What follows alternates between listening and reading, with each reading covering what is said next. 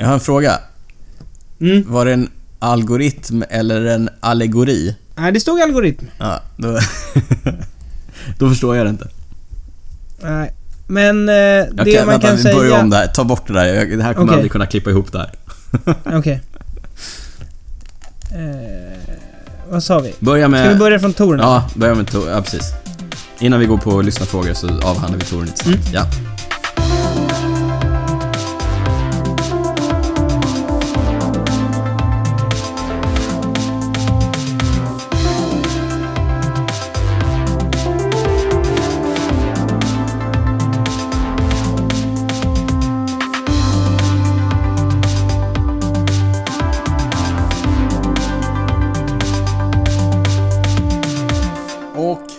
Hej och välkomna till Cykelwebben-poddens 19 avsnitt. Niklas och alla lyssnare. Hur är läget Niklas? Det är bra, jag är på landet. Jag har byggt en liten studio här i min lillstuga. Lillstugan och storstugan. Mm. Vilket landställe du måste ha.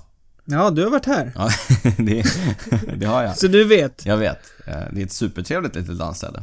Precis, det ligger ju utanför Tierp. Mm. Ett li lika trevligt ställe. Ja. Jag håller ställningarna i stan däremot och sitter i den ordinarie cykelwebben eh. Du, vi, Ja. nu gled vi bara över det här att det är det 19 avsnittet. Vi måste ju knyta an på något sätt till, eh, till någonting. 19, vad ska vi, eh, vad ska vi knyta an till? Ja, inga favoritnummer. Nej.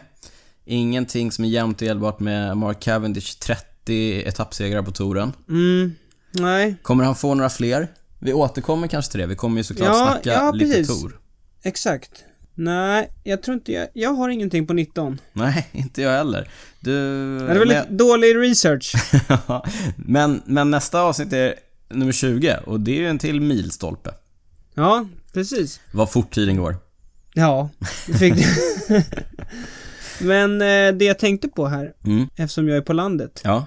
det är ju så fruktansvärt bra väder. Ja. Så det här, jag sa ju det innan, det här, det här måste vara världens bästa cykelsommar. ja, den är fantastisk.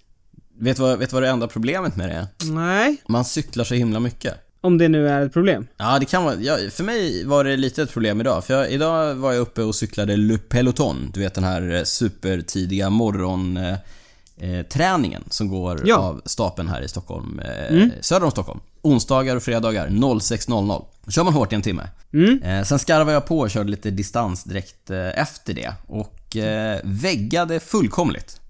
Oj, Ja, det vet man om man har kollat på min eh, Instagram-story. okej. Ja, jag var tvungen att stanna på OKQ8 och köpa en Monster och lite smågodis för att ta mig hem. Jaha, jag har alltid undrat vilka som köper de där Ja, det- monsterdryckerna. det... är du och kidsen, tänker ja, jag. det är jag kidsen. Eh, Ja. När jag är väggad. Men funkade den förresten? Ja, jag kom hem. Jag sitter ju nu i eh, Cykelwebben-podden Ja, det så att uppenbart. Och du låter ganska pigg. Ja, nu, fast jag är lite snurrig så att jag försöker åter rehydrate. Så jag dricker massa vatten här. Ja, härligt. Det, det är svar på en av våra lyssnarfrågor som vi hade fått in. Vad dricker vi när vi poddar? Vatten Just svaret. Mm. Men, men det där ska också sägas, det där kan ju variera. Ja. Det har ju varit allt från... Jag jag kommer ihåg när vi började podda, då var det, det var mycket rödvin då. ja, vi drack lite rödvin där, eh, ja. Jag har druckit öl ibland. Vi har druckit cider någon gång. Ja, visst. Det, vi varierar. Varia- Men ofta vatten. Ja, precis. Ombyte förnöjer. Mm. Du, som sagt, vi sitter och spelar in. Samtidigt som vi sitter och spelar in så sitter klungan i Tour, Le Tour de France och eh, cyklar mellan Fougères och Chartres. Har Då- alltid svårt med uttalen. Ja, jag har ju läst Men- franska i jättemånga år i skolan så att eh, ut, jag har ändå uttalen nere, tror jag. Men om Ja. vi har några franska lyssnare så får ni gärna höra av er och rätta mig. Mm. Eh, då kan lyssnarna lista ut vilken eh, dag det är vi spelar in. Ja. Om de är insatta. Annars kan vi berätta det för dem. Det är fredag och vi spelar in så att om eh, det har hänt något spännande i touren lördag eller söndag så kommer ni, så kommer vi inte kunna prata om det, tyvärr. Det får vi ta upp nästa gång i podden. Men du, det är också fredag den 13. Ja, vi håller tummarna för att ingenting går fel. Exakt. Eh, men idag, jag tror att det är eh, den längsta etappen på touren idag. Mm. Eller en av de längsta i alla fall, 230 kilometer.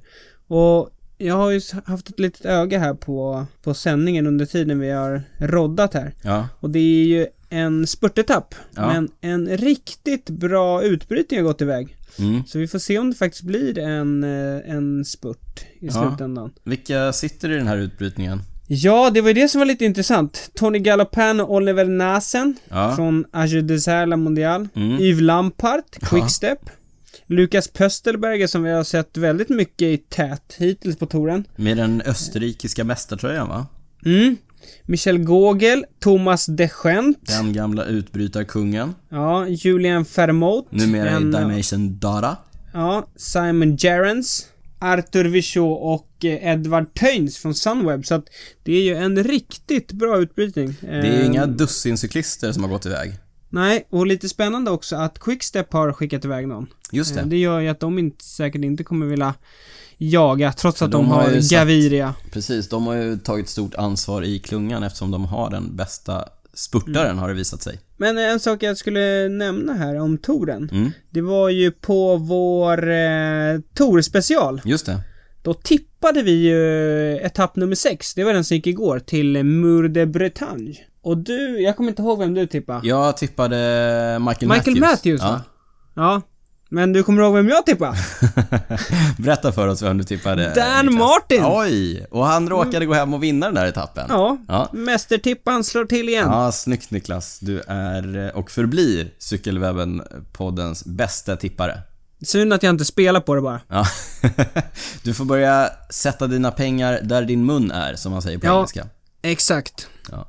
Du, eh, det har hänt, men innan vi går vidare till annat som har hänt så påminner vi som vanligt om att eh, när vi inte finns så här i era öron så finns vi alltid på cykelwebben.se. Vi finns på Facebook, Twitter och Instagram under cykelwebben. Jag finns på Instagram och heter drytz. Du finns på Twitter och heter cyclingnico och du twittrar ganska friskt nu under touren. Ja, Ja. full fart. Full fart, härligt. Jag finns på Twitter och heter Daniel Rytz, inte lika full fart där. Utan jag påminner mest dig om att du ska använda hashtaggen TDFSC när du twittrar om touren. Mm, och jag använde hashtaggen eh, elevrådsordförande på dig. Ja, det är bra. Om ni vill komma i kontakt med oss så går det naturligtvis att göra det på alla våra sociala medier eller mejla oss på info.cykelwebben.se. Vi återkommer lite grann till eh, några av er som har kontaktat oss via de här vägarna och ställt lite frågor och eh, Just det. försöker svara på dem. Men det, Ja. det är lite senare. Du brukar vilja påminna oss om Patreon. Ja, precis. Vi har ju sedan en tid tillbaka registrerat oss hos eh, Patreon. Mm. Och det är ju en tjänst där ni som lyssnar kan eh, stödja oss i podden. Vi går alltid Med- bet på att förklara vad det här är. Ekonomiska medel. Ja, exakt. Gå in på patreon.com cykelwebbenpodden och läs eh, hur det funkar. Ja, för vi brukar vara ganska dåliga på att berätta. Exakt. Men eh, som sagt, gå in där. Det är en eh, frivillig prenumeration där man betalar per avsnitt. Kommer det inga avsnitt betalar man inte och tycker man att vi är dåliga så slutar man att betala. Exakt så faktiskt. Du, eh, då tycker jag att vi kastar oss rakt in i den ständigt återkommande, det ständigt återkommande ämnet Hänt sen sist. Kan du börja berätta för oss vad har hänt sen sist? Absolut. Samtidigt som eh, touren går Ja, så går ju även damernas eh, Giro d'Italia. precis. Eh, det är ju 10 etapper i Italien, inte helt oväntat. Ja, och vi har två svenskar till start. Det är ju Sara Penton och den nyblivna svenska mästarinnan Emilia Fahlin. den gamla svenska mästarinnan och den nya svenska Ja, mästarinnan. vad sa vi? Det var 10 år sedan, eller? Nej, alltså den gamla Sara Penton. Den nya Jaha, du menar så. Fahlin. Men jag tänkte att Emilia Fahlin vann ju 10... Ja. ja, hon vann sitt första SM för tio år sedan. eh, Ja, exakt. senast. Det var det jag var inne på. Ja, precis. Men i alla fall. De är där och kör och eh, idag när vi spelar in så har det gått sju etapper. Mm. Och det som är lite roligt tycker jag, det är att både Sara och Emilia har vi sett i utbrytning. Mm. Och det är ju väldigt kul att de är med och kör offensivt och att de syns. Verkligen. Och, Och eh, Emilia syns ännu lite mer än Sara för hon har ju sin nya mästartröja som eh, jag tycker var supersnygg. verkligen. Klassisk eh, svensk tröja. Blå bas, gult kors. Det är ju så den svenska flaggan ser ut. Ja, precis. Men de har gjort det bra i Wiggle High Five som är hennes team som då har eh, designat den svenska mästartröjan. Mm. Riktigt snygg. Jag gillar ju det när den är över hela. Ja, exakt. Inte som vissa bara kör någon liten grej, utan det ska vara hela. Det tycker Ja. jag är snyggast. Ja, riktigt kul att se både Emilia och eh, Sara visa upp sig på allra bästa sätt i eh, girot. Ja, vi kör ett litet eh, snabbt tävlingssvep. Det har varit kortbane-SM i Helsingborg. Mm. Där Frida Knutsson från Team Ormsalva vann på damsidan och på herrsidan vann Emil Andersson från Giro Cycle Club. Ja, en liten överraskning på här sidan kanske. Mm, Men eh, stort grattis till Frida och Emil till de svenska mästartitlarna. ja, och det blir mästartröjor på dem också. Det blir det på GP-lopp. Exakt. På mountainbikesidan har det varit eh, långloppscup, Ja, Mörksuggejakten, som jag inte har kört eftersom jag inte har kört något långlopp. jag har kört den. Den är jättefin. Går i Rättvik. Hur gick det för dig när du körde Jag har då? ingen aning. Det var jättelänge sedan. Du vann i alla fall inte. Det var på den tiden man hade 26 tums mountainbikes. Då kan eh, lyssnarna själva lista Då ut hur länge kan sedan det var. alla börja fundera, hur länge sedan var det? Ja, det var jättelänge sedan. På damsidan vann Jenny Stenhag framför Emmy Tellberg och Åsa Erlandsson. Mm. Och i herrklassen så tog Alebike Serneke hela pallen. Mm, de fortsätter dominera den svenska långloppsscenen. Emil Lindgren vann före Micke Olsson och Dennis Wahlqvist, alla tre alltså från Allebike Serneke. Micke Olsson verkar ha kraschat rätt hårt. Och, Okej. eh, Men de andra var schyssta nog och väntade liksom. Det var så hårt att de var tvungna att, att kolla så att han var okej. Men det var han tydligen. Tillräckligt okej för att hoppa upp på hojen igen och bli tvåa. Men hela täten verkar ha stannat till och kollat att eh, Micke var okej. Så att det är ju det är snyggt. Sportsmannamässigt. Ja, verkligen. Men var det bara de tre i täten eller var det fler? Nej, det var fler i täten. Okej, eh, Johan det Landström som kom fyra till exempel, han var också med där framme. Så att, eh, Ja. snyggt och sportsmannamässigt. Bra gjort Det killar. gillar vi. Ja, det gillar vi. Nu är det också etapploppet U6 som pågår i Tidaholm. Tidaholm i Västergötland. Exakt. Ja. Det är både herrar och damer som kör. Ja, internationellt eh, lopp. Det kommer eh, lag ifrån lite alla möjliga länder. Det är ju från början en eh, ungdomstävling U6. Men Mm. som har vuxit och blivit en eh, elittävling också. Så att eh, internationellt startfält. Det som vi har sett är att Sara Olsson verkar återhämta sig efter sin eh, armbågsskada. Har vann bröt ju- ju armbågen i Uppsala där på eh, Skandisloppet. Mm, tillbaka med besked. Vann eh, etapp nummer fyra. Ja. En annan som kör bra är ju Matilda Francic. Hon var ju tvåa på kortbane-SM. Mm. Henne har vi också sett långt fram i eh, resultatlistan. Ja, på flera av etapperna riktigt bra kört av, eh, av Matilda. Annars verkar det vara ganska mycket norska och danska lag som eh, är med där framme. Ja, både på herr och damsidan. De svenska herrarna verkar inte ha gjort ett jättestort avtryck. Rickard Larsén var tvåa på etappen igår, annars så... Och han ligger väl ganska bra till i totalen, men annars är det mest eh, norrmän, eh, tycker jag det ser ut som när jag tittar på Mm. resultatlistan. Team Cooper där och kör, de är ju superstarka, så att det är Ja, precis. Det är ju där Fredrik Ludvigsson kör. precis, och Gustav Hög. Ja. Jag träffade på en av deras eh, lagkamrater. Jag var ju på Mallis förra helgen. Då, Mm, då träffade jag på en av deras lagkamrater där i en klättring. Vi hade sällskap en liten stund. Han tog det väl lugnt och jag eh, låg på tröskel. Nej, inte riktigt. ja, Ni tog, ni tog sällskap ett tag och sen ställde du av honom. exakt så. Jag tittade, Ja. dem, i, tittade dem i ögonen, la i Det två var sån cigaretter. där, eh, som när Lance ställde av eh, Det- Jan Jan Ulrich. För Alpe d'Huez, i den brantaste delen av Alpe d'Huez. Titta honom i ansiktet. Tittade i ögonen och sen så, vi Ja, ses. exakt så var det inte. Apropå Lance. Ja, just det. Snygg övergång Niklas. Tack. Mm. Du har lyssnat lite på hans podd som Ja. heter eh, The The Move. Move, exakt. Lance Armstrong, den gamle Tor-legendaren. Eh, syns rätt mycket nu, eller hörs ganska mycket i en podcast. Podcasts, det vet ni vad det är. Eh, Ja. Det är det här... eh, ja. Nej, det är inte bara vi som sitter och poddar, utan även Lance Armstrong har alltså nu en eh, podcast som heter The Move. Där han varje dag analyserar det som har hänt på Tour de France. En tävling som han väl, får man säga, är lite mer insatt i än vad kanske vi är. Det kan man nog, det, eller det får man faktiskt ändå säga. Ja, han, men det, det är intressant. Han bjuder faktiskt på intressanta perspektiv, det är vassa analyser. Han är ju, jag menar, han är ändå Lance Armstrong. Han har, Mm. ja man får väl inte säga att han har vunnit sju Tour de France, men vid ett tillfälle hade han vunnit sju Tour de France. De har han ju såklart blivit av med eftersom han har erkänt att han dopade sig igenom alla de där sju tourerna. Men det är ändå rätt intressant att lyssna på. Men fortfarande lite sådär delad till hur jag ser på att han får så mycket rampljus. Mm. Han eh, har ju den här eh, podden tillsammans med någon eh, som heter JB, som Ja. verkar vara lite av en legend också. Ja. Hans, hans ehm, tidigare cykelerfarenhet är väl lite oklar. Mm. Men de har ju kört, jag ville bara säga det, de har kört den här podden ett tag innan, utan det är inte bara någon eh, Tour de France-podd, utan de har, de har haft den ett tag. De gör, det, de Men- gör det bra och jag tycker att det är intressant och jag tycker att han har en del viktiga poänger och, och nu ska jag dra en poäng som jag tycker att han verkligen har. Häromdagen blev han superupprörd. Det var nämligen i samband med etapp 5 på touren. Då hade han ett eh, litet utbrott, lite sådär som jag kan få ibland.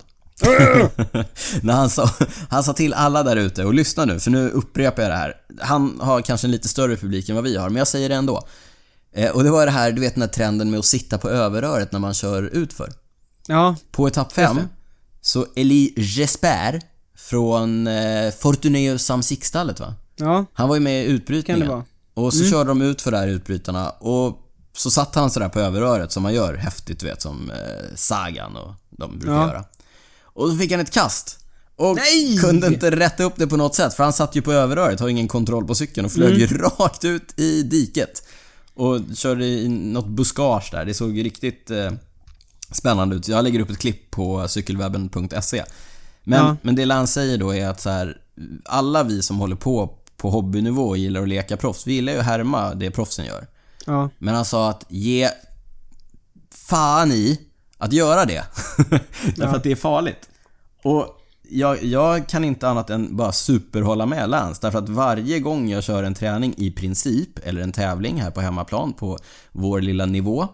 Så är det någon som ska göra det där i en utförskörning, i en klunga. Hoppa ner, liksom, ner och sätta sig på överröret och kanske till och med försöker trampa. Det är livsfarligt.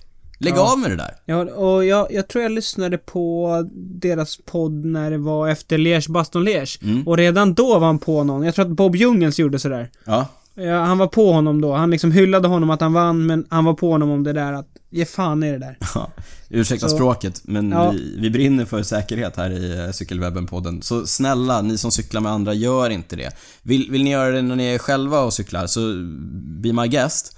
Eller ja, bli inte det för att det är farligt där också. Men, men speciellt när man cyklar med andra, det är verkligen bara att utsätta sig själv och andra för onödig fara. Så att eh, kolla klippet jag lägger upp på cykelwebben.se när vi lägger upp avsnittet och eh, se det som ett varnande exempel. Ja, jag ska bara säga att vi har ju såklart testat det där också. Mm.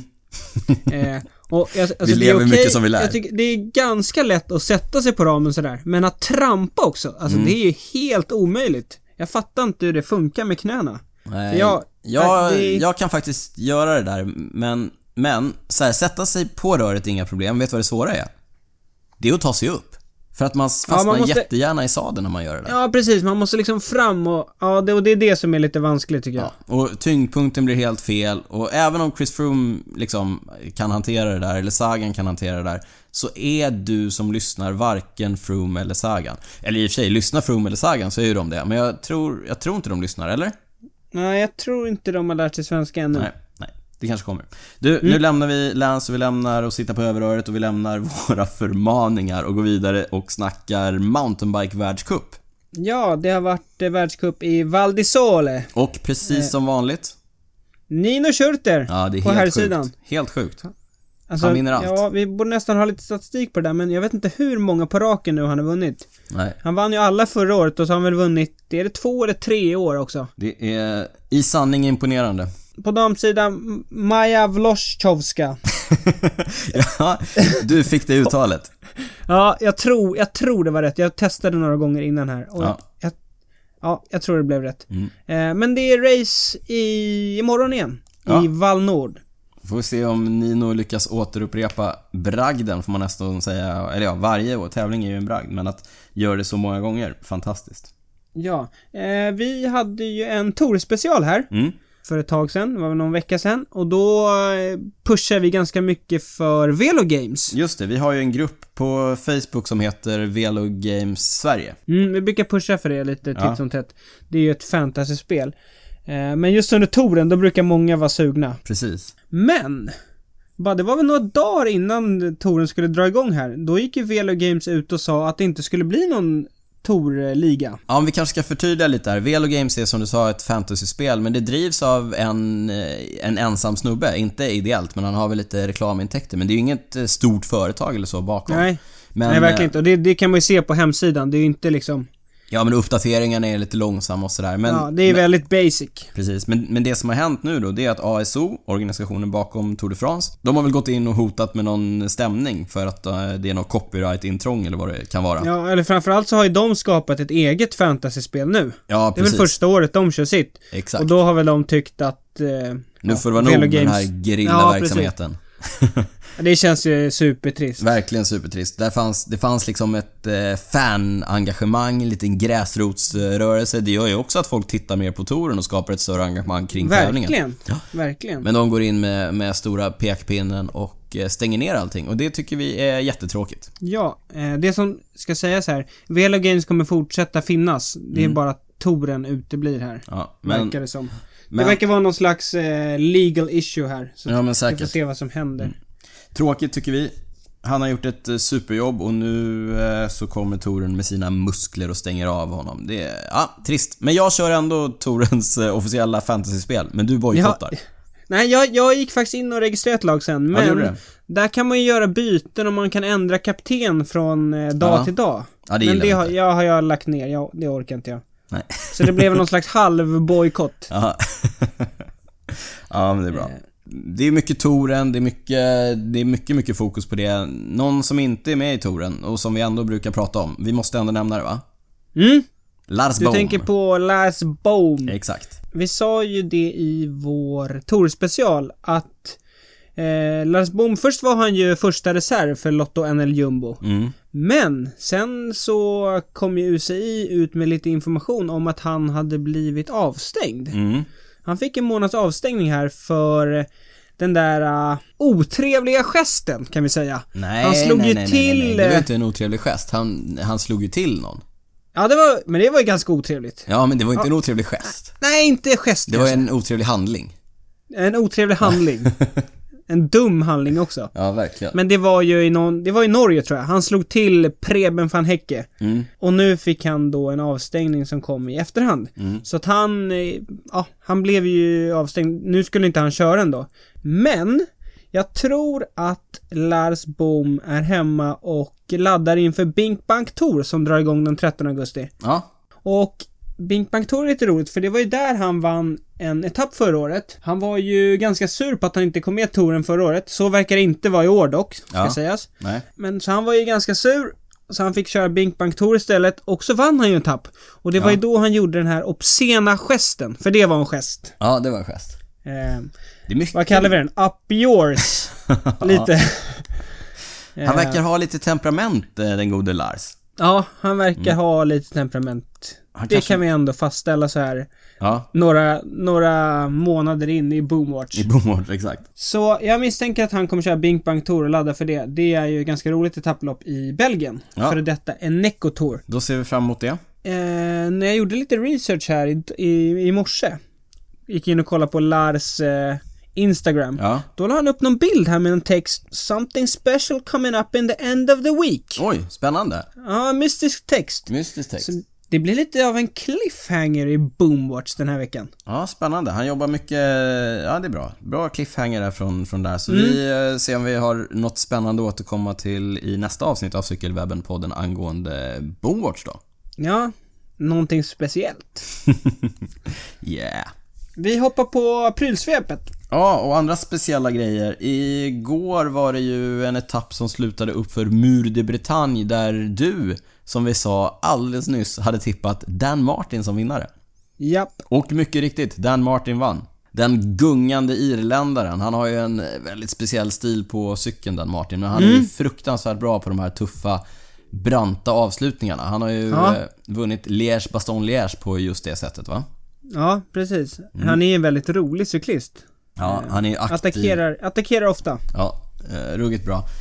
Han hade en... Eh, den, den observanta tittaren kunde se att Dan Martin hade en rätt speciell tröja på sig igår när han vann.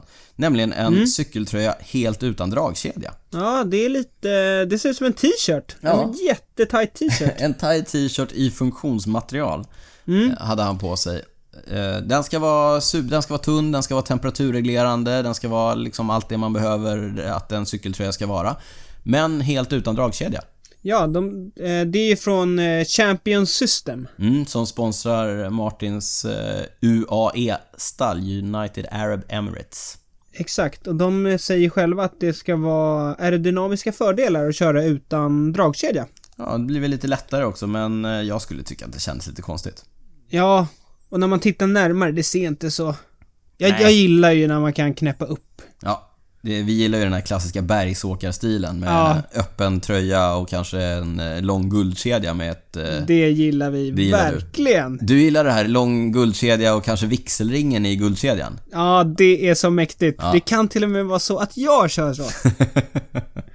Det tror jag att man kan se på vår första eh, avsnittsbild va? Ja, jag ska kolla. Ska se om jag kan hitta den bilden, lägga upp den på cykelwebben.se eller kanske till och med en repost på vår Instagram. Ja. Mm. Eh, Medan du letar så eh, går jag vidare här. Ja. Jag har- gör ett litet eh, inhopp här i ditt prylsvep. Ja, var, det är lite av ett prylsvep, för det handlar om eh, Trek Factory Racing. Mm. Alltså laget Trek Factory Racing. De eh, kommer förmodligen, det ryktas om att de kommer gå ut med att 2019 kommer de även ha ett damlag. Vi ställer oss upp och applåderar det initiativet. Det tycker Mm. vi att alla World Tour-stall ska ha. Ja. Det ryktas även om att Team Sky kommer hoppa på den här trenden. Ja, vi kan inte annat än hålla tummarna. Men det som var lite kul med eh, Trek Factory Racing det är att det ryktas om att det är eh, Lizzie Deignan, Ellen van Dijk och Elisa Longo Borghini som kommer vara några utav tjejerna som kommer köra där. Och det är ju inga... Inga dåliga cyklister. Nej, verkligen inte. Det, de kommer ju bli en eh, kraft att räkna med i damklungan. Det vore, jag hoppas verkligen att det här kommer hända på riktigt. Mm, vi får se. Lizzie Deignan, vi har ju pratat om det. Hon är ju gravid. Mm. Jag tror inte hon har fött ännu. Nej, men nej det har den inte. Jag såg eh, häromdagen på Instagram att hon eh, fortfarande tränar på. Jaha, okej. Inte för fullt, men hon tränar Nej. lite grann. Hon kör Marit Björgen Exakt. Ja, men eh, ja, vi får se. Låter spännande och kul med fler eh, damlag. Fler starka damlag. Vi eh, ser ju att det känns som att eh, damklungan hela tiden utvecklas mer och mer och vi kan inte annat än eh, att stötta det initiativet genom att försöka prata mer om det helt enkelt. Mm, precis. Får vi hoppas att det också innebär att vi får se mer damracing på TV. Ja, det håller vi tummarna för. Jag tar vid där du slutade och pratar mer om eh, Trek då, den amerikanska cykeltillverkaren. I vår Tour-special så pratade jag om att både Cannondale och Specialized hade släppt sina, precis släppt sina nya Aero-hojar, Venge och System 6. Och eh, bara dagar efter att vi hade släppt vår Tour-special så kom ju också Trek med sin nya Aerohoj eh, Madon. De har ju inte bytt namn på den, den heter fortfarande Madon. Mm. Den är ganska lik den gamla Madonnen. Men med lite, om man tittar noga så ser man att det är lite skillnader. Den, den främsta skillnaden är ju naturligtvis att de kommer med en eh, skivbromsmodell. Ja, Nu när eh, UCI, det har vi inte sagt tror jag, UCI har avslutat testet med skivbromsar och nu är det tillåtet med skivor. Jo men det har vi sagt. Jo, det har vi eller? faktiskt pratat om, det har vi pratat om. Jo, jag tror vi sa det för något avsnitt nummer 18, tror Ja, jag. det gjorde vi nog faktiskt. Så, så Ja. nu är det alltså fritt fram för alla att eh, tävla med eh, skivbromsar. Mm. UCI har bestämt det, SCF har följt efter så att alla ni här hemma i Sverige i stugorna med skivbromsracers, fritt fram att racea på dem i eh, officiella tävlingar alltså. Jag såg att Fernando Gaviria vann ju på, han körde skivbroms en etapp som han vann. Mm, på sin Venge då, Specialized. Ja. Mm. Tillbaka till Trek Madon. Eh, liknar den gamla, men eh, nu då med skivor. De har också tagit bort, de hade ju ett ganska avancerat system där i, i fram till med fälgbromsarna, fälgbromsarna. Mm.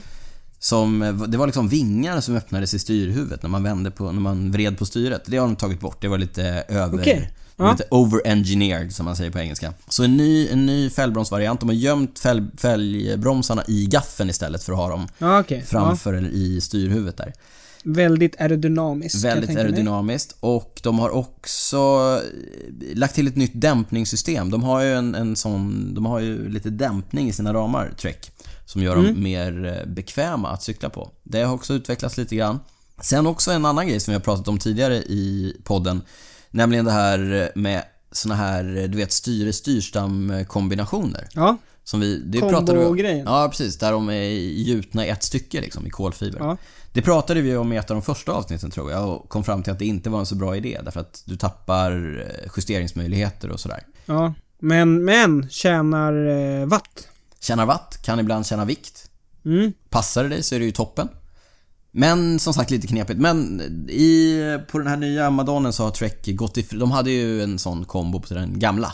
Men de har gått ifrån den eh, i, på den nya så att nu finns det lite mer justeringsmöjligheter. Det är tvådelat klassisk eh, styrstam styre men fortfarande ska Okej, vara ja. väldigt aerodynamiskt och sådär. Inte bara Trek har släppt ny aerohoj, även BMC har släppt en ny Time Machine Road, också den, skivbromsar. Och eh, ska såklart vara bättre på alla sätt än den gamla och eh, naturligtvis när man tittar på Toren nu som vi alla gör så kan man se att BMC kör på den nya Time Machine och såklart så kör Trek Segafredo-stallet på den nya Madonnen. Såklart. Såklart. Det jag tycker är lite slående det är att alla de här hojarna, förutom kanske Trekken, ser typ likadana ut. Det är Aero. Det är då. ja, lite likriktning, kanske lite tråkigt, men som sagt, som du säger, det är då. Ja, och det är det viktigaste. Är det Fort det? ska det gå. Är det verkligen det? Ja. Nej. Nej, det är inte det viktigaste. Nej. Ibland kan det vara det, men inte alltid. Jag fortsätter. Det har varit mässa. Den eh, största cykelmässan i världen heter ju Eurobike och går av stapeln i eh, Friedrichshafen i Tyskland. Ja. Jag har varit där flera gånger, nu har jag inte varit där på länge, men eh, den har gått av stapeln likväl. De, de, de rullar på trots att du inte är där. Hör och häpna. Ja. Men eh, här kommer lite observationer ifrån Eurobike. Även om jag inte var där så har jag ändå följt nyheterna därifrån. Mm. Rotor, den, eh, det spanska företaget som gör... De började med att göra såna här ovala klingor, du vet. Just det. Som ska eliminera döda punkter i tramptaget. Som Froome kör med. Som Froome kör med, fast han kör inte rotor. Han Nej, kör han kör inte rotor, men han kör volt. O-rings tror jag va? Ja. Men de gör ju annat också, rotor. Och nu har de släppt ett hydrauliskt växelsystem med inte mindre än 13 växlar bak. Okej. Och en växel fram. Så att hydrauliskt, det vill säga ingen, ingen vajer som man drar mekaniskt, ingen el, Nej. ingen motor i, utan eh, lufttryck helt enkelt som styr växeln fram och tillbaka. Samma växel för både mountainbike och landsväg. Det enda man byter är själva växelreglaget så att det är smidigt för dem. Behöver bara producera en växel. Och de funkar med vilka hjul? Det ska vara samma tydligen som, som typ 12-delat som kommer nu. 11-12-delat. Okej. Jag har inte kollat i detalj sådär men, men, eh, men det ska inte, må, du måste ha skivbromsnav tydligen. För att Ja. den, behöver, den behöver vara lite bredare och sådär. Men 13 växlar. Vilket gör att du kommer ännu närmare det här med att ha hela, väx, hela liksom spannet av växlar. Som Ja. vi har pratat om, om tidigare. På tal om eh, One By, alltså en klinga fram och många växlar Ja. bak. Du vet, vi har ju pratat mycket om den här eh, 3T Strada-cykeln som Aqua Blue Sport-stallet kör på. Just det. Den har ju bara en klinga fram och tanken var ju att de här cyklisterna i Aqua Blue Sport skulle köra på den hela säsongen. Mm. De har kört på den. Det har de, men eh, inte så framgångsrikt. Eller ja, Nej. de har, det har gått ganska bra, men de har ju börjat gnälla och till och med offentligt på att eh, cykeln inte riktigt räcker till. Ja, det var ju han, teammanagern gick ju ut på Twitter här för någon månad sedan och skrev att nu får det räcka. Nu har de haft för många mekaniska problem. De, Ja, de satt i någon utbrytning tror jag. ja, Och så la bakväxeln av. ja så Han funkar var cykeln som riktigt skulle. eh, bitter. Ja, men det, det förstår man ju. Det är, när materialet gör att man inte kan göra resultat, då, då förstår jag att man blir bitter. Mm. Men de gjorde ju ett ganska stort PR-nummer av att det skulle vara eh, One By, alltså en framklinga. Eh, 3T tillsammans med Aqua Blue Sport. Men de har fått bita i det sura äpplet och nu göra en, eh, en, en variant av eh, Strada med framväxel. Mm. Mm, lite av ett nederlag tror jag att man ändå får eh, kalla det för eh, 3T. Så Men de nu, gjorde ett försök i alla fall. de gjorde ett försök, det ska de ha cred för. Men Ja. nu finns den alltså med, med framväxel. Jag såg att eh, Adam Blythe, en av cyklisterna i, i stallet, la ut en bild på den och sa “Can't wait to get on this thing”. Det kan man ju förstå med tanke på hur bittra de har varit. Ja, verkligen. Eh, Jag gör en till koppling till det här med 13 växlar. Nämligen, Ja. och det är, en, det är en lite långsökt. Du vet, det finns det här bolaget Ceramic Speed, känner du till dem? Ja, De gör ju keramiska kullager för cykling till, i, egentligen överallt. Till vevlager och till baktriss och de har ju de här jättestora baktrissorna Ja, precis. som De är ska- superstora. Ja, exakt. Som ska spara massa watt. Det är ju ett danskt bolag som eh, egentligen, de har funnits ganska länge. Jag tror att 2001 någonstans där så, så dök de upp för första gången och var med på touren tillsammans med klassiska Team CSC. Eh, Bjarne Ries gamla stall, vet du. Just det. Eh, Han gillade ju att optimera det mesta. Till exempel sin egen röda blodkropps-count. Ja, vi går vidare. Eh, På Eurobike så presenterade Ceramic Speed ett nytt koncept som de kallar för Driven. Deras, deras eh, mission är ju att optimera drivlinan för att liksom ta bort så mycket förluster som möjligt. Man säger, Ja. De säger att ett, eh, en vanlig eh, Dura-Ace-drivlina är 97% effektiv. Tror jag. Okej, men det Och- fattas några procent. Det fattas några procent och om man ceramic speedifierar den så kommer man upp i kanske 98% Såklart. såklart. Men de har, det här driven-konceptet som de har presenterat nu då, det ska vara 99% effektivt. 2% till! och, och det gör man med eh, kardandrift istället för kedjedrift. Så att man tar bort kedjan och sätter dit en, en kardan. Alltså en, en pinne helt enkelt. Ja, Som för över kraften mellan eh, vevpartiet och eh, bakhjulet. Ja. Ja, det ser, Spännande. det ser rätt speciellt ut. Vi lägger naturligtvis upp lite bilder och videos på det här, eh, hur det ser ut. Men, men vad du får är att du får en helt platt kassett egentligen med tänder åt sidan istället för uppåt. Mm. Eh, och samma sak då med framklingan. Eh, så det, det konceptet får vi se om, om det blir någonting mer av. De har eh, fungerande prototyper, de har inte jobbat jättelänge med det. Men det är alltså massor av, eh, det är massor av kugghjul och massor av kullager som då ska göra det där mer effektivt. Ja, det ska bli spännande att se om de kan få det i produktion framöver. Mm. Det ser ju väldigt, eh, det ser ju väldigt speciellt, Speciellt ut. ut. Ja, verkligen. Annars har det varit mycket nyheter på elektronik och hemmaträningsfronten. För alla er Swiftare där ute så ser det ut att bli en spännande höst och vinter. Kul! Det kan vi se fram emot redan nu. Ja, Med 25 grader eh, ute och så vidare. Men vem längtar inte in till sin pain cave och sitt Swift-konto va? exakt. Ja, men här är några grejer som vi såg på Eurobike då i, eh, kopplat till det här. Wahoo! Det är, de är väl amerikanska som eh, har eh, Kickern. Den, ja men eh, det var väl egentligen en av de produkterna som eh, kickstartade den här smart trainer-trenden va? Mm. Eh, Det, Wahoo- man, det kan man ändå säga. Ja, Wahoo har släppt en smart fläkt som heter Headwind. De försöker ju... Det är supersmart. de, de försöker ju göra hela den här inomhusträningsgrejen mer verklighetstrogen. De har ju tidigare Ja. släppt eh, Wahoo Climb, som är en grej som du sätter i framgaffeln som, som anpassar cykeln till hur mycket lutning du har på, i, in i Swift till exempel. Just det, just det. Ja, så att går du upp för så skjuter den upp framändan och går du ut för så Mm. skjuter den ner lite grann sådär. Så att Kicker Climb. Nu har de då också släppt den här Kicker Headwind som är en smart fläkt som jag sa.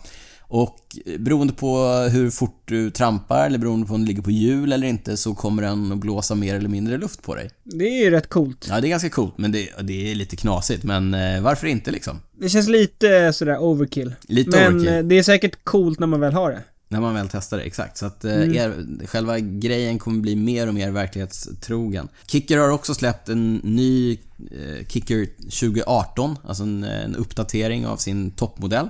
Den ska vara framförallt tystare, har lite tyngre svänghjul så det ska bli lite mer verklighetstrogen cykling också.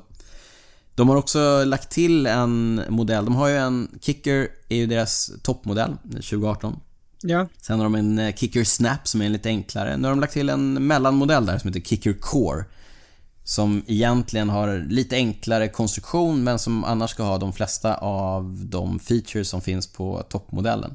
Det är en sån här direct drive, alltså du tar av bakhjulet. ja. Bakhjulet och och, så har skicka på precis, cykeln på trainen. så har du en kassett på trainen där. Den ska vara tystare än den tidigare och eh, funka extremt bra tillsammans då med alla de här smart träningsapparna som, så du kan styra trainer ifrån appen och så vidare. De klassiska trainermärkena har också kommit med nyheter. Tax, som är ett holländskt företag som alltid har gjort eh, stora på trainers. De har kommit med en uppdatering av sin eh, Flux-modell som heter Flux 2 och det är samma sak där. Den ska vara lite bättre än sin föregångare. Men eh, kanske den största nyheten är att de har släppt en eh, inomhuscykel. Så Jaha. att du inte behöver sätta på din egen cykel utan eh, deras toppmodell på Trainer heter ju Neo. De har släppt en Neo Bike då som ska ha alla features som Neo Trainer har men, men eh, som en cykel. Det står bilder på den eller? Ja, eh, lägger vi upp såklart på, i inlägget. Men den, eh, du vet, alla justeringsmöjligheter, alla funktioner, du kan styra, växla, eh, allting sådär. Det ser, ser riktigt bra ut. Styra inomhus är sjukt viktigt. Ja, oerhört viktigt. Elite, italienska företaget som också gör det, de kommer också med en eh, uppdaterad version av sin toppmodell Drivo. Heter också Drivo 2. Eller också 2 på slutet. Ja. Inte så fantasifulla namn här, men en Nej. liten uppdatering av den. Den ska kunna ge mer motstånd och ja, men vara generellt bättre bara. De har också släppt en sån här inomhuscykel. Mm. Fast den var mer som en konceptcykel. Den heter Four Pista. Får pista. Vill du gissa vad den får pista? Vill du gissa vad den kostar? Någonting med fyra. Ja, det finns en fyra med. 14 000 euro tror jag eh, kostar. Som hittat. Som hittat, precis. Ja, nej. Man, det är väl mer av en konceptcykel och den ser extremt speciell ut. Den lägger vi definitivt upp en bild på. Den är ju Mm. gjord av eh, plexiglas och trä och grejer. Väldigt eh, Oj. snygg. Och så då en inbyggd smart trainer i det hela. Ja, Det låter plötsligt, eh, vad sa du? 1400 euro? 14 000 euro? 14 000 euro. Ja, det låter ju fortfarande Det är fortfarande ganska mycket även om det är plexiglas Jag tänkte säga att, ja men om det är trä och plexiglas och allt det där, då, då kanske det inte låter så mycket, men det låter ändå ganska Ja, då mycket. är 140 000 spänn är kanske lite saftigt ändå. Ja. Mm. Sen, ja, vi har ju vår programpunkt vad vi inte har kunnat släppa. Mm. Mm, jag kommer återkomma, jag kommer knyta an till det här när vi kommer dit. Men eh, jag tror faktiskt att det var, det var det mesta som jag hade för vårt eh, prylsvep den här gången. Bra spanat i prylsvepet. Tack Niklas! Innan vi går på våra lyssnarfrågor så måste vi ju såklart prata lite om touren Ja. som pågår för fullt och snart är första veckan avklarad. Ja, precis. Som vanligt har det ju varit väldigt stressigt. Vi har sett vurpor, det har varit eh, punkteringar, det har varit kantvinstkörning. Ja, det har varit extra allt. Precis extra som allt det brukar. Ja, verkligen. Några, några punkter här som vi kan snacka lite om. Mm. Fernando Gaviria, två etappsegrar, etappsegrar redan. Ja. Colombianen eh, visar att han hittills är den bästa spurtan i ett väldigt starkt eh, Spurtfält. startfält Ja, bland spurtarna. Mm.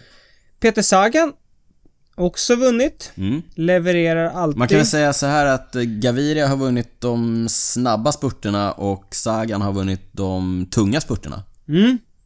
Eh, jag såg någon, nu har jag inte den statistiken, men Alltså Peter Sagan har ju varit topp, han, han har kört någon så här strax över 100 touretapper. Mm. Och han har ju varit topp 10 på, ja, det är helt sjukt hur många av de etapperna han är topp 10 på.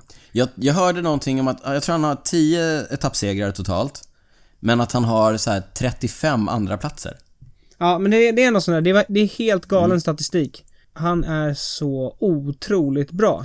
Och just som du säger, han är med framme på de snabba spurterna men även när det är lite tyngre som vi såg, eh, var det etapp nummer fem där? Mm. Eh, som gick upp för då, Precis. som han vann. Då är liksom, då slår han ju Valverde och Gilbert i spurten så att, ja, nej det är helt... Ja, det är Helt galet vad bra han imponerande. Ja. En annan som, in, som har många etappsegrar, som vi ofta brukar prata om, det är ju Ja. Mark Cavendish. Eh, Men den stora frågan är väl, kommer han ta någon etappseger i år? Det känns ju ganska tveksamt. Ja, extremt tveksamt. Han har ju 30 etappsegrar, det har Mm. vi sagt några gånger. Han är ju ute efter Eddie Merckx, den största av dem alla. Eh, Eddie Merckx har 34 etappsegrar på touren Mm. och Cavendish är väl lite grann ute efter det rekordet. Har han fyra till etappsegrar i sig? Ja, Nja, jag tror inte det. inte i år. Nej, jag vet Nej, inte. inte som han har sett ut i år. Det tror jag inte. Men, det finns ju ingenting Mark Cavendish tycker bättre om än att täppa igen truten på sina tvivlare. Så På att eh, vi får se. Täppa igen truten på Cykelwebben-podden. Exakt. Så att Eh. när han får veta att vi har dissat honom här, då kommer han eh, plocka fram något speciellt ur eh, sin eh, arsenal. Mm, det, han verkar tro på sig själv för att på många utav spurtetapperna här, då har ju Dimension Data varit uppe och kört. Ja. Så han, ja. Han tror på sig själv och det har ju du varit inne på.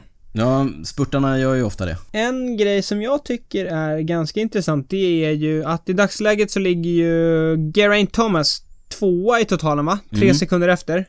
Precis. Och Chris Froome, som är den uttalade kaptenen, han ligger väl dryga minuten bakom. Nu pratar vi om eh, Team Sky, kanske viktigt att, att förtydliga. Sa jag inte det? Nej. Nej. Team Sky. Ja. Även om, ja jag sa ju det, han... eh, Chris Froome är ju den uttalade kaptenen. Mm. Även om Geraint Thomas i många intervjuer gärna påtalar att det är någon slags delat ledarskap till en början. Mm, precis. Eh, Men ja, det, som sagt, det är ju mest Geraint Thomas som påpekar det. Eh, nu har vi ju, idag är det fredag, på söndag är ju det, den här etappen till Roubaix. Mm. Eh, Och där är ju Geraint Thomas kanske den av alla storfavoriter som eh, förmodligen kommer köra bäst. Han är ju en väldigt duktig klassikeråkare. Precis. Eh, Så det finns ju risk att han, eller risk, chans, stor möjlighet att han kommer ta ännu mer tid på Froome. Och då är frågan, vad händer om, vi säger att Geraint Thomas tar två, två minuter på den etappen, för det är ju inte helt osannolikt nej. med tanke på alla pa- pavé-sektioner. Eh, vad händer om han ligger två och en halv minut före Froome i bergen? Ja. Då, ja, då får vi se vad som händer. Hur Men, de sam, men samtidigt så har vi precis, samtidigt så är vi har ju sett Chris Froome gång på gång på gång se lite blek ut, ha lite dåliga dagar och sen så är det någon etapp när han blixtrar till och är bara flera nivåer över alla andra. Ja, jag såg även, det var en artikel här på Cycling News. Mm, För Chris Froome tappade några sekunder igår där i backen där Dan Martin vann. precis. Och då sa han ju det att planen är att vara bäst i tredje veckan. Ja, precis. Det är ju det, det, är Precis det han är som han var på girot. Ja, och vi kan väl, vi har en liten tittarfråga, eller lyssnarfråga om det här också. Vi kommer återkomma till det med. Det där Mm. med sista veckan och så vidare. Ja? Men apropå kaptener. Mm. Din gamle backhoppspolare. Primoz Primoz Roglic. Roglic. Ja. Han har ju gjort en jättebra vår här och vunnit eh, tävlingar både här och där. Mm. Och nu kör han ju touren, men Lotto NL Jumbo har ju gått ut och sagt att han inte är kapten. För de har ju Steven Kreuzvik. Precis. Men, igår, då blev det kantvindskörning. Och det gillar vi. Det var ju Quickstep som var uppe och bombade på. Mm. Men då hamnade ju Primoz Roglic i en tredje klunga. Precis. Och vips! Då var hela Lotto NL Jumbo uppe och körde där. Ja, så att, och även om de då säger att eh, Roglic inte är delad eh, kapten med Kreuzvik, så den eh, körningen från laget talar ju ett eh, tydligt annat språk, Ja, eller hur? det, den blev väldigt svår att snacka bort. Nej, man Sen skickar inte ner han, hela laget för att eh, stötta någon som inte är kapten, va? Mm. Han var ju tia sen på etappen. Mm. Så de gjorde ju rätt där. Ja, men ja, det var ganska kul faktiskt. Mm. Det blev eh, ganska tydligt att han kommer försöka göra ett resultat i totalen. Absolut. Men det, och det tycker jag är rätt också. Han är ju, han är ju väldigt, väldigt bra. Jag, i, hade han inte haft Kreuzvik i, i laget så hade han ju varit en eh, självskriven kapten i vilket annat Mm. lag som helst. Men som sagt, det är vilodag på måndag och sen börjar ju bergsetapperna. Och du de peppad? ser jag fram emot. Vad sa du? Är du peppad? Jag är peppad, är du? Nej, sjukt peppad. Eh, men det känns som att den första, ibland kan jag tycka att första veckan det är lite för mycket spurtetapper och att det blir mer en transportsträcka till bergen. Men så har jag faktiskt inte känt i år. Jag har tyckt att det har varit en, en bra mm, kombination av eh, spurtetapper och, ja, Mm. de här lite kortare branta backarna på slutet. Ja men det har varit spännande. Jag tycker också alltid att första veckan är lite... Jag tycker nästan att den är lika stressig som jag tror att cyklisterna tycker. Nej, kanske inte lika.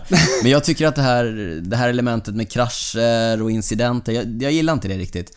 Jag gillar när det har satt sig lite den andra veckan och det inte är Ja. riktigt lika hetsigt. Ja, det brukar alltid vara någon favorit som eh, kör bort sig första veckan. Det har vi inte riktigt haft än, även Nej, om Quintana, i Quintana är i och för sig två minuter efter redan, men Ja, nej, de, det är ingen som har liksom kraschat bort sig än. Nej, igår Tom Dumoulin hade lite otur, punkterade på ett eh, dåligt ställe och tappade kontakten med täten. Mm. Försökte och till... Bardet pajade bakhjulet så han fick Tony Galopins cykel. Just det. Tappade också lite tid, men, men ändå så här. Jag tror Bardet tappade 30 sekunder och Dumoulin fick lite tidstillägg också för han blev pacead av teambilen. Men jag tror att det slutade, ja. Jag tror han tappade strax över minuten där. Så att Men alla är med han där låg uppe. ganska bra till innan. Så att, ja. Det är ju inga liksom... Han är inte borta än. Nej. Men som sagt, eh, första veckan är nästan avklarad. Vi ger oss in i helgen och ser fram emot bergen i nästa vecka. Toren är toren och vi kommer ju ha ett till avsnitt ute innan det är färdigt va? Ja, det är Och- perfekt. Då kan ja, vi snacka lite mer blir Eh, men då hoppar vi på lyssnarfrågorna innan vi avslutar. Ja. Och då har jag en fråga till dig Daniel. Mm. Det är från en, någon som heter Kaviar på Instagram. Han undrar om Primoz Roglic har utövat någon annan idrott innan han började med cykel. Vad roligt, att, vad roligt att den frågan kommer. Det är ju nämligen så att det är inte många som vet det. Eh, Primoz Roglic har ju nämligen varit en ganska duktig backhoppare innan han började cykla. Exakt. Mycket bra, mycket bra eh, Mm. ny information här i Cykelwebben-podden. Ja, precis.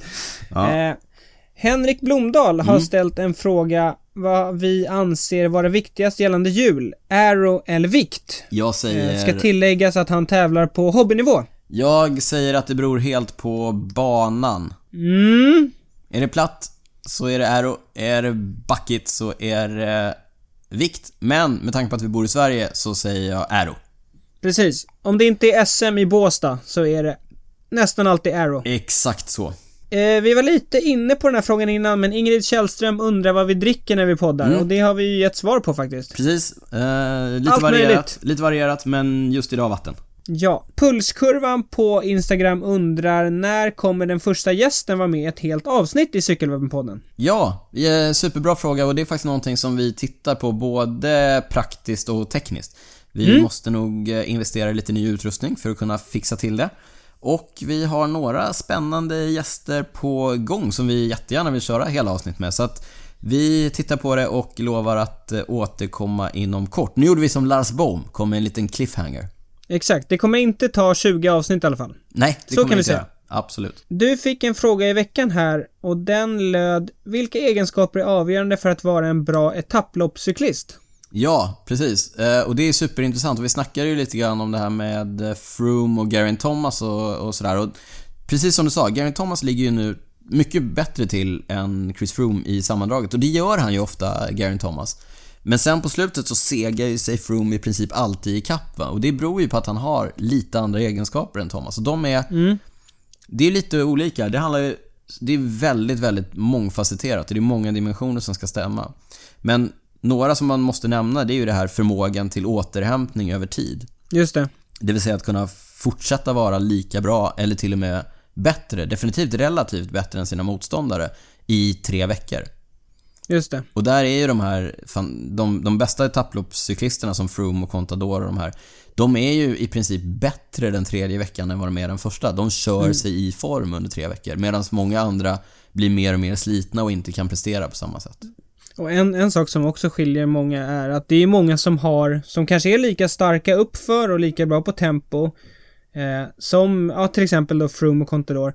Men att de alltid brukar ha en eller två dåliga dagar och det har ju sällan Froome eller Contador eller Nibali. Nej men precis, och om man tittar på Geraint Thomas då som, som exempel. Han har, han har nästan alltid en dålig dag. han verkar också vara lite mer otursförföljd, han kraschar illa och sådana här grejer. Och Ja. det, det, en del saker är lite svårare att sätta fingret på vad det är och andra är tydligare som det här med återhämtningsförmågan. Men det handlar ju om att hålla sig frisk, det handlar om att återhämta sig, det handlar om att kunna köra bra upp för gång på gång på gång under tre veckor. Ja. Och när man väl har en, en dålig dag eller en, en dålig backe då gäller det bara att försvara sig så mycket som möjligt och inte tappa någon tid. Ha en extremt hög eh, lägstanivå. Ja, exakt så. Mm. Eh, Men annars är det ju man ska, vara, man ska vara bra uppför och man ska oftast vara bra på tempo. För de flesta, framförallt de tre veckors loppen, de har ju alltid minst ett tempolopp. Det är mycket tempo. Sen är det ju också så här, du ska ha ett bra lag, du ska och så vidare. Vi har fått en fråga ifrån eh, Thomas Ekström. Jag har redan svarat på den, men jag tar den igen. Mm. Är vi lika peppade på att touren ska komma till bergen som han är? Ja! Jag vet ju inte hur peppad han är, men vi Nej, är det vet vi inte. Men, men vi är peppade. Ja, vi är sjukt peppade. och sen har jag en fråga till Niklas. Vad tycker vi om upplägget inför etapp 17 i touren? Det är ju den korta etappen. Ja, Eh, 65 km, tre berg, målgång uppför. det kommer vara fyrverkerier från start till mål. Jag är väldigt peppad på det upplägget. Jag tycker det ska bli kul att se. Sen tycker jag inte att det ska bli någon eh, återkommande grej. Jag tycker det kan vara kul om de testar det nu och sen så kanske kör man det var tredje år eller något sånt där. Mm. Eh, Det behöver för inte bli en cykel är ju, det är ju en uthållighetsidrott och det är liksom ja, visst, det är inte alltid jättekul att kolla på de här långa etapperna och så, men det har ju också sin, liksom sin funktion att de tröttar ut cyklisterna och det var det vi var inne på nu, det här med återhämtning och det gäller att vara bra varenda dag och sådär, så att eh, Ja, jag, jag tror det kommer bli väldigt kul att se, men det får liksom inte bli ett återkommande moment med så korta etapper. Tycker jag. Jag håller med. Jag tycker att det är... Ja, det blir spännande att se men det är ingenting som eh, alltid behöver vara med. Nej. Nej. Nej men där tycker jag att vi rundar av frågestunden med era lyssnarfrågor. Vi tycker det är superkul att få dem så fortsätt skicka dem till oss och eh, ni vet att vi alltid finns på cykelwebben.se. Där lägger vi alltid upp ett inlägg tillsammans med varje avsnitt där vi länkar till sånt vi har snackat om. Mm. Vi finns på Facebook, Twitter och Instagram. Där heter vi kort och gott cykelwebben eller at cykelwebben. Ni vet en sån där snabel som finns med Mm. i, i mailadresser. Det sätter man liksom framför cykelwebben. Och, så- sen skriver man och sen skriver cykelwebben man cykelwebben. efter liksom. Ja. Exakt, och så hittar man oss där. Eh, Man kan också bara söka på det så tror jag att man, man kan hitta dem. De är fantastiska de här sociala medierna. På tal om sociala medier, du finns på Twitter och heter Cycling Nico. Ja, Där twittrar du massor om cykling. Jag finns på Instagram och heter drytz där jag kör mest stories. om cykling. Om cykling, min Oftast. egen cykling oftast. Ja. Jag finns också på Twitter, heter Daniel Rytz där. Men twittrar inte så mycket. Nej. Om någon föredrar e-post, elektronisk post, så använd då adressen info.cykelwebben.se för att komma i kontakt med oss. Vi tycker att det är jätteroligt när ni gör det oavsett kanal. Mm. Och så ber vi er alla att gå in på patreon.com cykelwebbenpodden och läsa lite grann om vad Patreon är. För vi är superdåliga på att förklara det. Och vi är också jättedåliga för, på att förklara våra storslagna planer som vi ofta pratar om. Precis, men de finns där. Ja, men när vi ändå pratar om Patreon Mm. så har vi några nya Patrons. Ja, Vi vill skicka ett stort tack till Sanna Frost, Åsa Fast Berglund, Peter Backlund, Johan Lasses, Jörgen Kajankoski och Christer Wendell som har blivit nya patrons och valt att stödja oss i Cykelwebben-podden. Mm, det känns faktiskt helt, det är nästan sjukt men det känns också helt fantastiskt att ni finns där ute och ni gillar oss så mycket att ni faktiskt kan tänka er att betala för det vi gör. Eh, vi blir naturligtvis superglada. Ja, då är det dags att avsluta, men innan vi avslutar så brukar vi alltid ta upp en punkt som vi inte har kunnat släppa. Mm.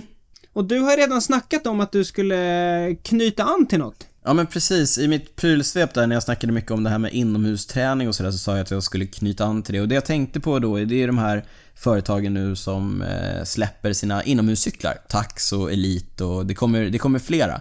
Eh, Wattbike eh, släpper ju också nya inomhuscyklar. Och det jag inte har kunnat släppa här, det är att det finns ju ett svenskt företag som många svenska cyklister har en intim relation med, nämligen Monarch Exercise, som bygger de klassiska Monarch-hojarna.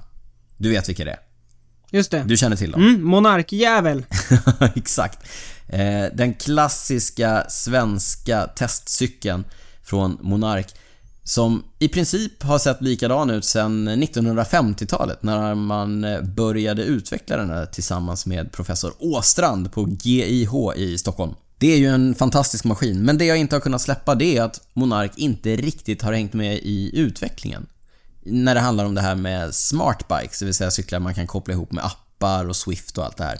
Det börjar ju bli en, en stor och viktig kategori. Vilket då, vilket blir tydligt när, när de här företagen investerar stora pengar i att utveckla de här nya produkterna. Och det jag inte har kunnat släppa då, det är att det finns ju en enorm affärsmöjlighet för Monark här som man då verkar gå miste om därför att man inte, vad jag vet i alla fall, gör någonting i det här området. Så Monark, hörni, ta tag i det här och gör kanske en konsumentvariant av eh, någon av de mer avancerade modellerna som man då kan koppla till sin dator med Bluetooth eller Ant för att eh, ja, men kunna sälja till konsumenter som vill eh, swifta på sina cyklar. För några år sedan så fick ju Monark ett jätteuppsving när de släppte en, en ny modell riktad till cyklister. Jag kommer inte ihåg vad den hette. Eh, Strip hette den. Monark Strip, som var en enklare Monark-modell.